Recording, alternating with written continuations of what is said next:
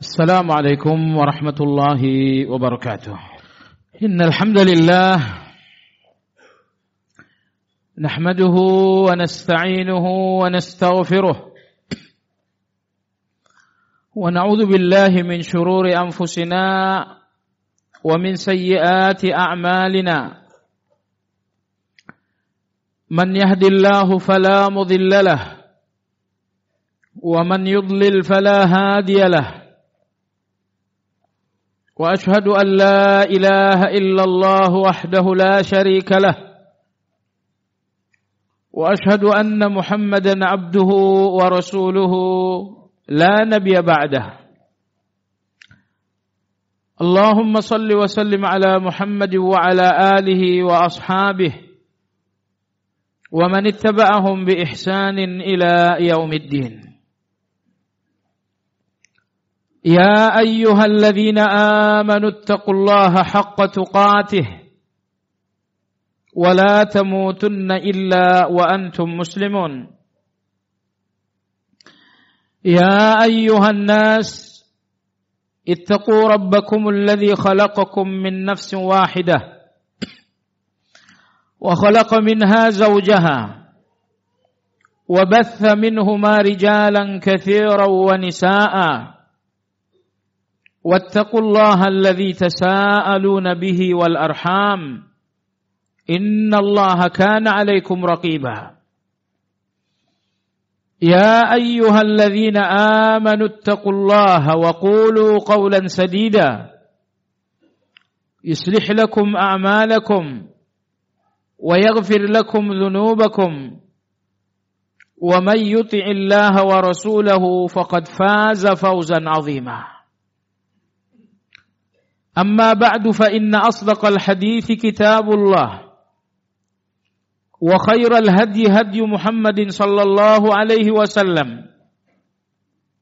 وشر الأمور محدثاتها فإن كل محدثة بدعة وكل بدعة ضلالة وكل ضلالة في النار.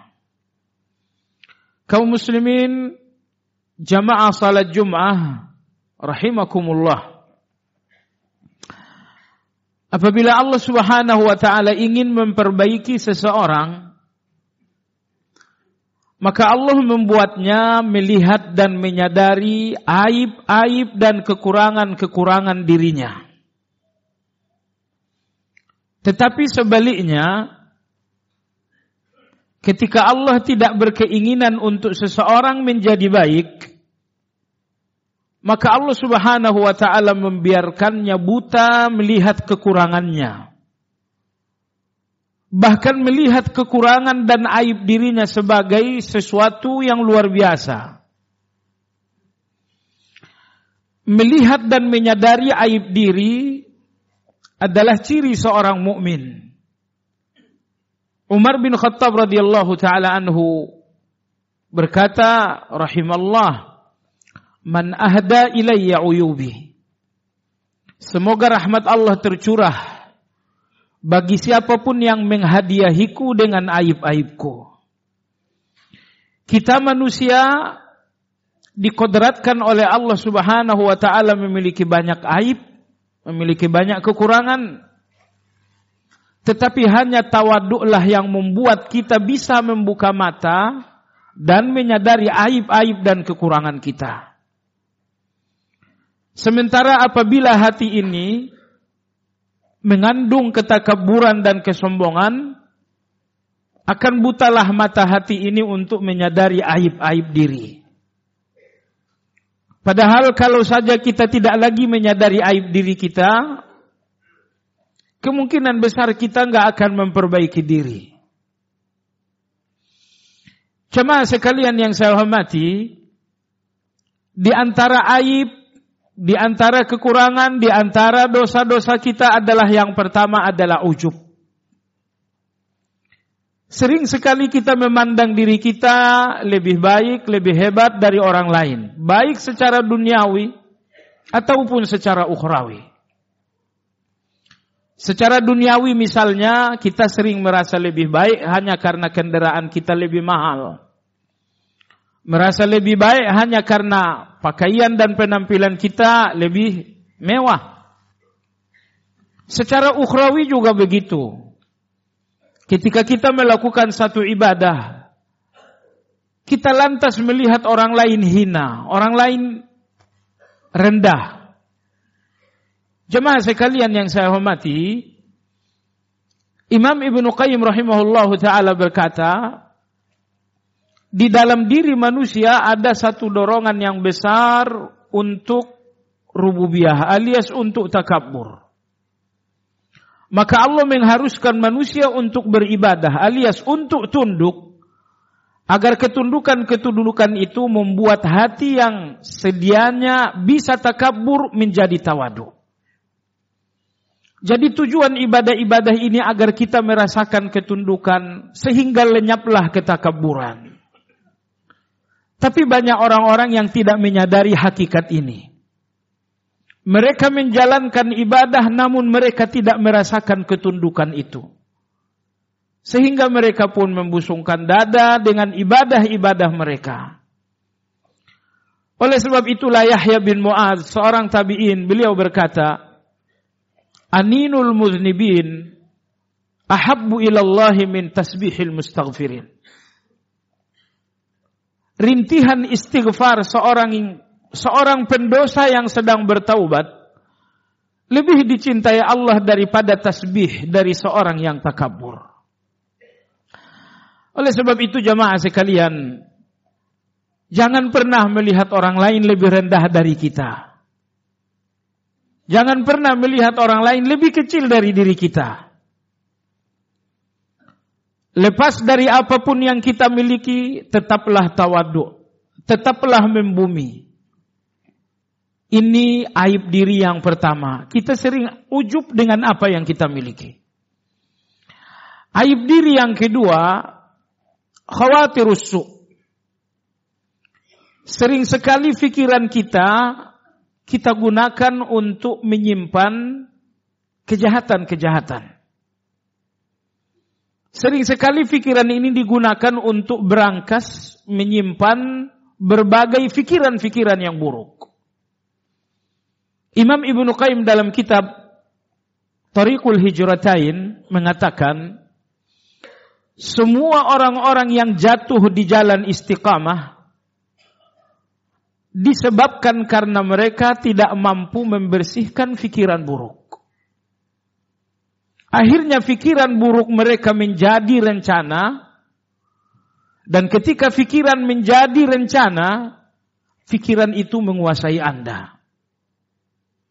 Tapi apabila pikiran sebatas pikiran tidak menjadi rencana, Anda yang akan menguasai pikiran. Sehingga hanya ada dua kemungkinan. Anda menguasai pikiran atau pikiran yang menguasai Anda. Pikiran akan menguasai Anda Apabila keburukan-keburukan yang ada dalam pikiran ini dibiarkan menjadi satu rencana. Nah, apabila pikiran ini telah menjadi rencana, maka dia akan menjadi kekuatan dan kemungkinan besar Anda akan kalah dalam kekuatannya. Semua orang yang mengeluh betapa sulit untuk melawan dosa, disebabkan karena mereka membiarkan pikiran dosa itu menjadi rencana. Adapun ketika mereka menyadari bahwa dosa telah ada dalam bayang-bayangan pikiran mereka, lalu mereka segera membersihkan pikiran itu, akan mudah bagi mereka melawan dosa. Jadi jamaah sekalian yang saya hormati, hentikan pikiran buruk. Bersihkan pikiran buruk. Apakah dalam pikiran ini sedang tersimpan sebuah dendam? Apakah dalam pikiran ini sedang tersimpan suuzon kepada orang lain? Ataukah dalam pikiran ini sedang tersimpan permusuhan terhadap orang lain? Ataukah bahkan dalam pikiran ini ada satu bayangan-bayangan zina yang terus-menerus ternikmati? Cuma sekalian Allah melihat pikiran Anda. Dan kalau pikiran buruk itu nggak segera dibersihkan, dia akan menjadi rencana. Dan kalau dia menjadi rencana, dia akan menguasai Anda dan Anda tidak lagi menguasainya. Fikiran sehat Anda akan kalah. Bahkan bisa jadi keimanan Anda pun akan kalah. Itulah bahayanya apabila fikiran buruk tidak segera dibersihkan sehingga ia menjadi kekuatan rencana. Aib kita yang ketiga jemaah sekalian, kekurangan kita yang ketiga, dalam banyak hal kita selalu menomorduakan Allah Subhanahu wa taala. Dalam pekerjaan-pekerjaan kita misalnya, Allah selalu nomor dua. Di dalam acara-acara penting kita misalnya, Allah Subhanahu wa taala selalu nomor dua. Artinya, apabila ada sesuatu yang memang harus dikorbankan dalam agenda-agenda penting kita, biasanya yang sel, yang paling cepat kita korbankan adalah Allah Subhanahu wa taala. Misalnya jam 12 Anda harus rapat. Rapat sangat penting. Dan Anda tahu pada saat itu Anda harus salat. Jemaah sekalian yang saya hormati, berhadapan dengan satu urusan yang menurut Anda sangat penting, kadang-kadang membuat Anda lupa bahwa Allah adalah di atas segala-galanya. Maka ulama-ulama kita dalam hal ini Syekh Sa'di rahimahullah, beliau mengatakan, Hakikat takwa adalah mengutamakan Allah atas segala-galanya sehingga segala-galanya bisa dikorbankan untuk Allah Subhanahu wa taala. Orang yang menjalankan salat dengan semangat ketakwaan akan mengorbankan segala-galanya untuk salat. Ingat jamaah sekalian, ada dua golongan orang yang menjalankan salat ini. Orang-orang yang beriman menjalankan salat dengan ketakwaan mereka. Maka mereka mengutamakan salat di atas segala-galanya sehingga segala-galanya dikorbankan untuk salat. Mereka menjalankan salat dengan ketakwaan. Kelompok yang kedua, kelompok yang kedua ini adalah salat kezaliman kata Imam Ibnu Qayyim dalam Madarijus Salikin. Ada sekelompok orang melakukan salat, tapi justru salat mereka menjadi kecelakaan. Sedianya salat adalah keselamatan. Tapi ada kelompok tertentu menjalankan salat, justru salat itu kecelakaan bagi mereka. Salat yang seharusnya menghasilkan pahala, justru bagi mereka salat itu menghasilkan dosa. Mereka adalah orang-orang munafik Alladzina hum an sahun. Kalau melakukan salat selalu ditunda, ditunda. Salat ini nomor ketujuh atau nomor ke sepuluh. Yang lain harus dinomor satukan. Seolah-olah mereka tidak membutuhkan salat sehingga salat selalu di urutan paling akhir. Padahal jamaah sekalian, salat ini kata Nabi sallallahu wa amuduhu salah. Tiang agama kita adalah salat. Jadi oleh sebab itu, sering sekali dalam keseharian kita, ketika ada yang harus dikorbankan, Allah subhanahu wa ta'ala selalu kita korbankan. Ketika di dalam bisnis misalnya, kita sering mengorbankan Allah subhanahu wa ta'ala. Tidak peduli dengan haram, kita mengabaikan hukum riba. Kenapa demikian? Inilah kekurangan kita yang ketiga bahwa dalam banyak kehidupan kita Allah dan kebenaran selalu menjadi tumba, selalu menjadi korban. Selalu menjadi korban di balik ambisi-ambisi dan dan kelalaian kita. Kemudian kekurangan kita berikutnya at-taladdud bil ma'siyah. Kita sering membayangkan maksiat itu dengan rasa nikmat. Kita membayangkan permusuhan dengan rasa nikmat, kita membayangkan zina dengan rasa nikmat, kita membayangkan ketakaburan dengan rasa nikmat. Apabila Anda membayangkan maksiat dengan rasa nikmat, berarti Anda menginginkannya. Sesuatu yang Anda inginkan, kemungkinan Anda akan melakukannya. Apabila saat ini Anda belum melakukannya, semata-mata karena memang belum ada peluang. Adapun jika peluang itu betul-betul ada, betul-betul terjadi, 100% Anda akan jatuh. Kenapa demikian? Jawabannya karena Anda selalu membayang-bayangkan maksiat itu dengan kenikmatan. Aib diri kita berikutnya jemaah sekalian, kita sering melihat ketaatan-ketaatan ini sebagai beban. Salat sering kita pahami sebagai beban.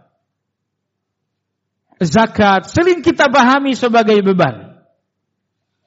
Kita memahaminya sebagai beban, maka hati kita tidak menikmatinya.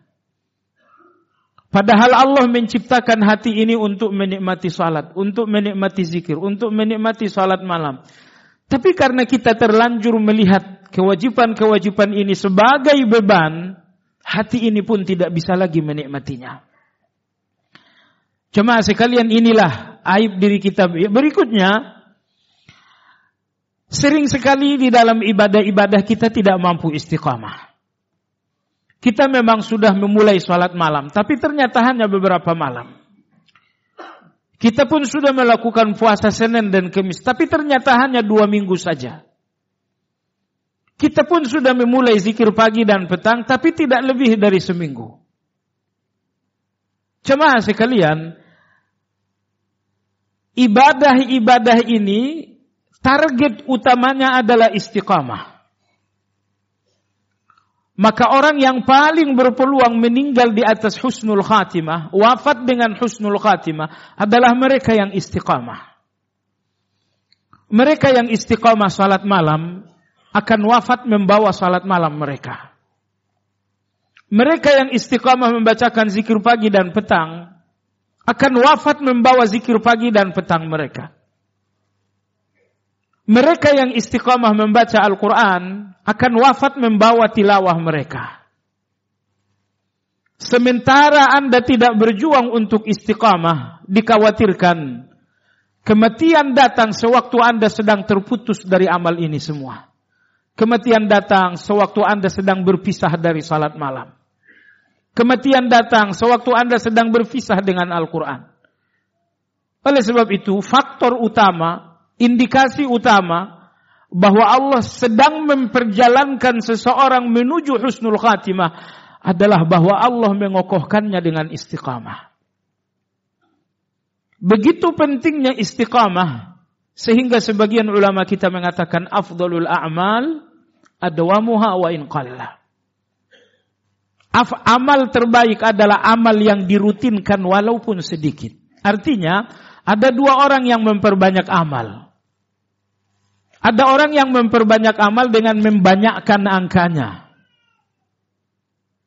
Tetapi yang kedua, memperbanyak amal dengan mengistiqomahkannya. Dia cuma melakukan salat malam dua plus tiga, sedikit, tapi istiqomah. Ujung-ujungnya akan banyak juga. Aisyah radhiyallahu anha, ummul mukminin bercerita tentang Nabi SAW. Beliau mengatakan, Kana Nabi sallallahu alaihi wasallam idza amila amalan athbatahu. Apabila Nabi SAW melakukan sebuah amal, maka beliau mengistiqomahkannya. Jadi apabila anda berpikir, saya akan memulai tilawah, saya akan memulai puasa sunnah, saya akan mulai sholat malam, berapa saya harus memulai? Jawabannya mulailah dari angka yang bisa anda istiqomahkan. Satu lembar Al-Quran, istiqomah lebih baik daripada satu juz sekali sebulan. Jadi mulailah amal-amal saleh Anda dari angka yang bisa Anda istiqomahkan. Sedekah lima ribu sehari lebih baik daripada seratus ribu tapi sekali sebulan. Cuma sekalian maka aib, maka kekurangan kita berikutnya bahwa sering sekali kita tidak mampu istiqomah dalam beramal. Kekurangan kita berikutnya jemaah sekalian, kita sering melupakan azab, padahal kita menyadari dosa. Anda ngaku punya banyak dosa, saya ngaku memiliki dosa. Saya sadar kita mengaku bahwa kita banyak dosa, tapi ternyata tidak membuat kita selalu sadar terhadap azab. Padahal jamaah sekalian, rasa aman dari azab adalah dosa besar. Sementara rasa takut Anda terhadap dosa adalah penghapus dosa itu sendiri.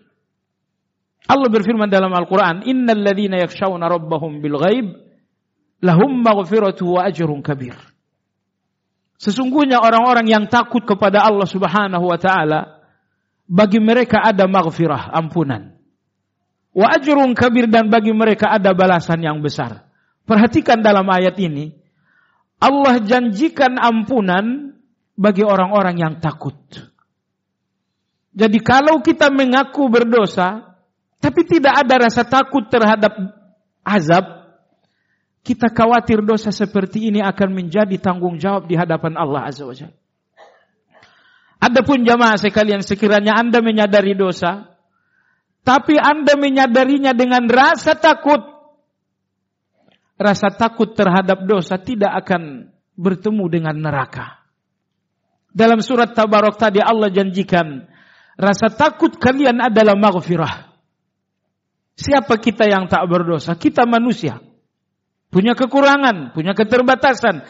Tapi jamaah sekalian, sepanjang Anda melihat dosa Anda dengan rasa takut, insya Allah Anda dalam ampunan.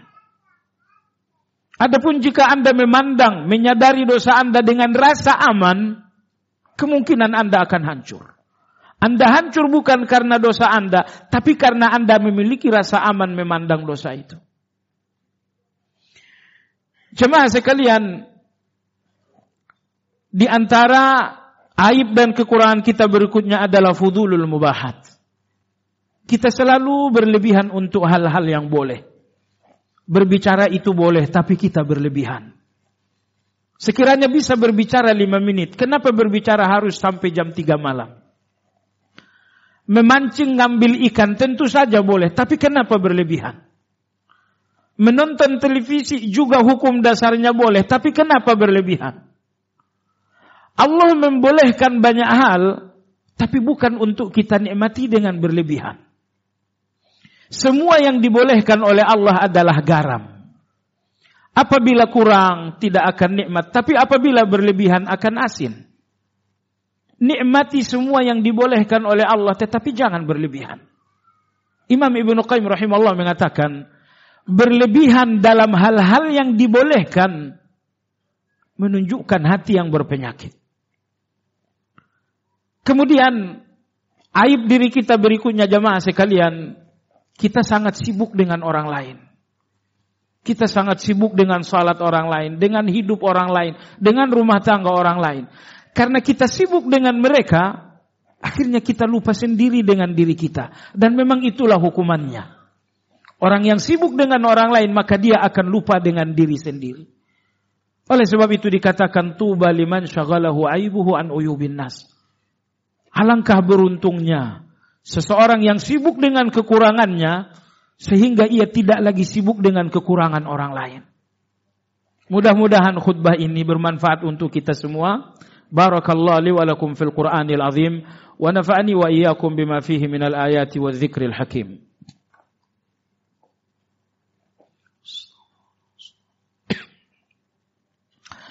الحمد لله حمدا كثيرا طيبا مباركا فيه كما يحب ربنا ويرضى واشهد ان لا اله الا الله وحده لا شريك له واشهد ان محمدا عبده ورسوله لا نبي بعده اللهم صل وسلم على محمد وعلى اله وصحبه ومن والاه di antara kekurangan kita aib diri kita bahwa kita sering sibuk dengan yang tak bermanfaat kata Nabi sallallahu alaihi wasallam min husni islamil mar'i tarkuhu ma la ya'lih di antara ciri-ciri keislaman seseorang baik bahwa ia meninggalkan segala yang tidak bermanfaat.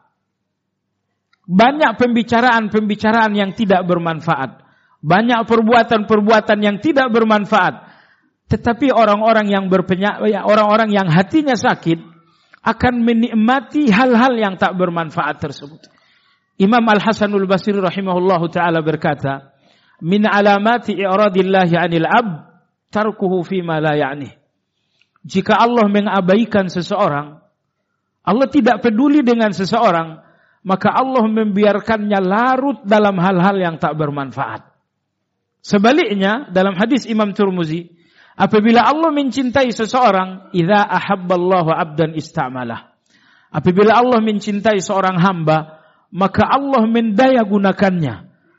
Maka dia sepenuhnya manfaat, pandangannya manfaat, telinganya manfaat, bicaranya manfaat, seluruh perbuatannya manfaat. Kata Nabi Sallam, jika Allah mencintai seorang, maka Allah membuatnya manfaat bagi dirinya dan manfaat bagi orang lain. Jemaah sekalian, semoga Allah senantiasa mengokohkan langkah kita di atas hidayah, di atas taufik. Tanpa bantuan Allah Subhanahu wa taala kita enggak akan mampu berubah menjadi lebih baik. Allahumma salli ala Muhammad wa ala ali Muhammad kama sallaita ala Ibrahim wa ala ali Ibrahim. Allahumma barik ala Muhammad wa ala ali Muhammad kama barakta ala Ibrahim wa ala ali Ibrahim innaka Hamidum Majid. Allahumma ighfir lil muslimin wal muslimat والمؤمنين والمؤمنات الأحياء منهم والأموات إنك سميع قريب مجيب الدعوات يا قاضي الحاجات.